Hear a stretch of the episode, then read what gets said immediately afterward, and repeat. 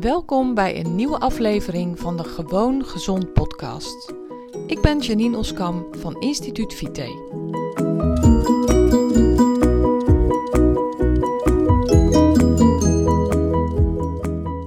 Hey, leuk dat je luistert naar deze nieuwe podcast. Vandaag wil ik wat met je delen wat ik de afgelopen week heb besproken met een hele leuke man. Ehm, een hele aardige man. Het was ook een heel tof gesprek wat ik met hem heb gehad. Uh, zoals de, de, mensen die mij kennen, die weten dat ik in Zeeland woon, in het mooie Zeeland. En uh, wij waren op het strand aan zee. En uh, nou, ik ben met hem ook hier in de polder, heb ik met hem een stukje gelopen. En hij verwonderde zich over de natuur hier. Hij komt zelf uit de stad en uh, nou ja, hij was echt verwonderd over uh, de natuur en hoe die eruit ziet en uh, hoe dat is en uh, wat er allemaal is. En nou ja, goed, ik vertelde hem ook over wat ik doe, hoe mijn bedrijf eruit ziet, hoe ik mensen help. En ik vertelde hem een paar verhalen. Ik maakte een paar vergelijkingen met de natuur. Ik vertelde hem bijvoorbeeld van, goh, uh, we hadden het over uh, voeding en hoe vaak je moet eten en wat nu gezond is. En uh, hij zei, ja, ik sla bijvoorbeeld wel eens het ontbijt over en dat is helemaal niet goed, hè, geloof ik. Ik zeg, nou, weet je, eigenlijk is dat prima. Eigenlijk is dat hartstikke goed. Of nee, hij vertelde me, ik eet ook vaak dan smiddags niet, dan vergeet ik te eten en dan eet ik s'avonds weer. En eigenlijk leef ik vrij onregelmatig. En hij zei, ja, dat is niet goed, hè, want je moet heel regelmatig leven. Toen vertelde ik hem van nou, daar ben ik het niet mee eens. Dat is eigenlijk best wel goed. Alleen moet je natuurlijk wel oppassen dat op het moment dat je dan gaat eten, dat je niet verkeerde dingen eet. Hè? Want die verleiding is wel groot. Maar op het moment dat je onregelmatig eet, dan is dat eigenlijk prima voor je lijf. En ik vertelde hem ook waarom ik daar zo over denk. En ik maak dan altijd, ik ga altijd een vergelijking maken met de natuur. Natuurvolkeren of uh, mensen die heel lang geleden leefden, onze voorouders. En ik zei tegen hem van, goh, dan moet je je eens voorstellen. Je woont uh, in een hutje op de savanne en uh, denk je dan dat je s'morgens je voorraadkast opentrekt en daar de, de belangrijke dingen voor je ontbijt uittrekt. En uh, smiddags om een uur of twaalf doe je dat weer. En s'avonds om zes uur doe je dat nog een keer. Ik zeg, hoe denk jij nou dat dat ging? Ik zeg, ik denk namelijk dat dat helemaal niet zo was en dat dat nog steeds niet zo is bij mensen die helemaal volgens de natuur leven. Die mensen worden s morgens wakker en denken van, nou, ik zou eigenlijk best wel wat lusten.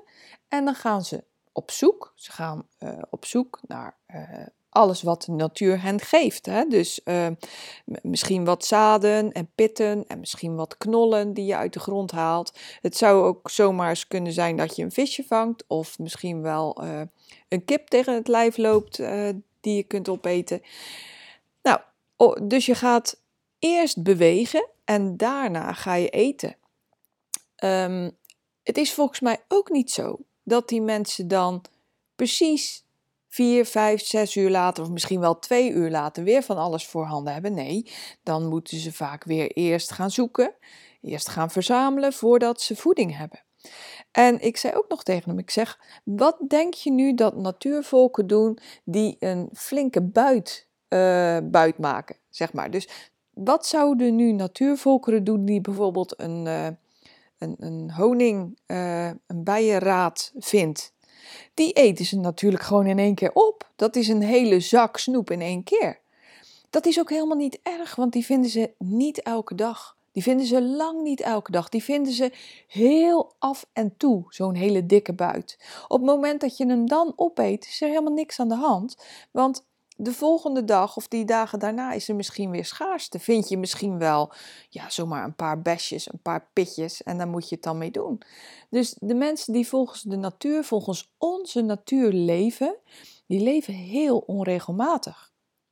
Nogmaals, het is wel zo dat die natuurlijk niet onze moderne supermarkten tegen het lijf lopen, waar allerlei ongezonde gemaksvoeding te vinden is. Dus op het moment dat jij onregelmatig leeft, is het eigenlijk heel vaak zo dat je gemaksvoeding neemt. En dan is het inderdaad heel erg slecht. Maar leef jij onregelmatig en eet je gewoon gezond. En in mijn ogen is gezond de meest puur natuurproducten. Dus gewoon groenten, fruit, uh, vlees.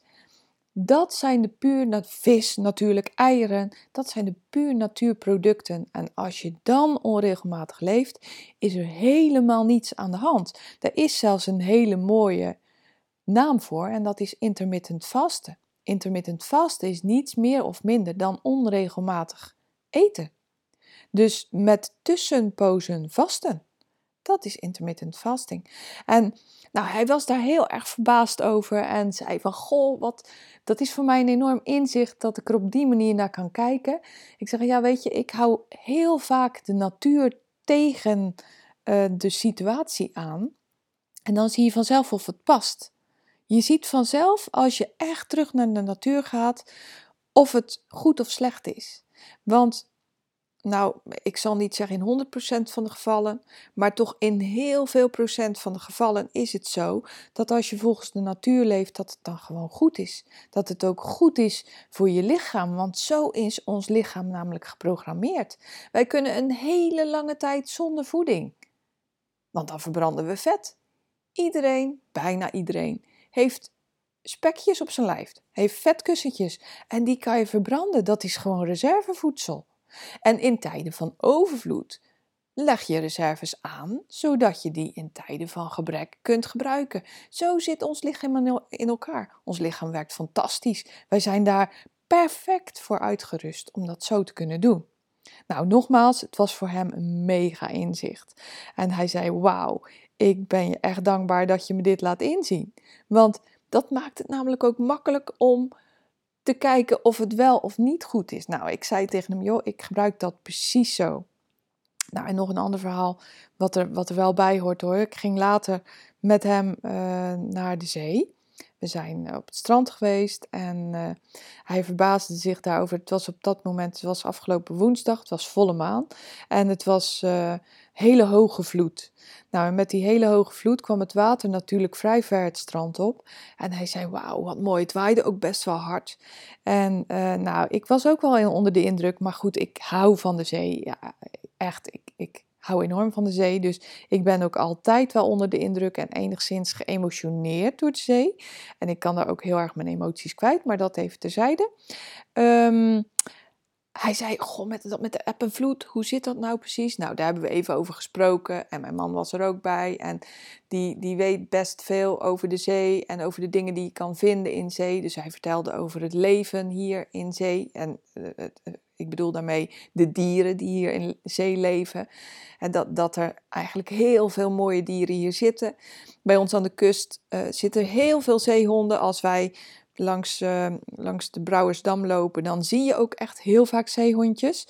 En op de, op de platen die vrijkomen met app, liggen ook vaak heel veel, echt honderden zeehonden voor de kust. Nou, dat is natuurlijk een prachtig gezicht. En uh, er zwemmen bij ons ook echt wel veel bruinvissen. En bruinvissen zijn een speciaal soort, ja, eigenlijk een dolfijnensoort. En uh, dat wist hij dan wel. Hij zei: Wauw, echt, zitten die hier echt? En ook zeehonden. Hij kon zich niet voorstellen dat er zulke mooie dieren gewoon hier in Nederland te vinden zijn. Nou ja, en dan nog maar te zwijgen over in de zee. Want in de zee zitten natuurlijk ook prachtige vissen. Hele mooie um, kreeft leeft hier in zee. En uh, nou, wij zitten ook vlakbij het Grevelingenmeer. Toevallig. Uh, um, doen wij ook allebei aan sportduiken. Ik veel minder dan mijn man. Maar uh, nou, er is hier prachtig zeeleven te zien. Er is hier prachtig leven ook onder water te zien. Dus wij hadden het in dat hele mooie gesprek, en het waren eigenlijk een paar gesprekken, hadden we het over de natuur en hoe wij daar als mens uiteindelijk ook inpassen met, onze, met de manier waarop ons lichaam is uitgerust. En ook hoe prachtig en mooi de natuur gewoon is. Dus ik, ik vond dit zo bijzonder dat ik uh, dit graag met je wil delen. En um, nou goed, het bracht bij mij ook weer helder dat ik eigenlijk alles al langs die meetlat leg. Dat doe ik heel vaak. En dat het dus ook waardevol is voor iemand anders, kwam ik in dat gesprek nogmaals achter, om dat ook gewoon op deze hele eenvoudige manier zo te zien. Want het is een hele eenvoudige manier. Iedereen weet wel ehm, hoe die natuur in elkaar zit. En als je erover praat, als je erover denkt, ja, kom je tot heel veel waardevolle inzichten. Dus, nou, ik, uh, ik hoop dat ik je hiermee uh, heb geholpen om op een hele eenvoudige manier te denken over hoe ons lichaam werkt en in elkaar zit. En dat je ook op deze manier beter kunt leren luisteren naar je lijf en je lijf ook beter kunt leren begrijpen. Want dat is natuurlijk waar uh, mijn hele methode ook om draait. Mijn maatwerkmethode uh, heeft niet, als, niet voor niets als ondertitel leer luisteren naar je lijf en voel je vitaal. Want als je dat doet, dan uh, ben je zo'n verschrikkelijk goed eind op weg naar meer geluk, gezondheid en vitaliteit. Goed, ik wilde dit even met je delen. Um, ik, ja, ik hoop dat je een andere keer weer naar me luistert. Tot ziens! Als je deze podcast waardevol vindt voor anderen, deel hem dan. Laat het mensen weten en uh, abonneer je op mijn podcast, want dan krijg je ook de volgende afleveringen, krijg je vanzelf een melding dat er weer een nieuwe aflevering online staat. Bedankt voor het luisteren en tot de volgende keer.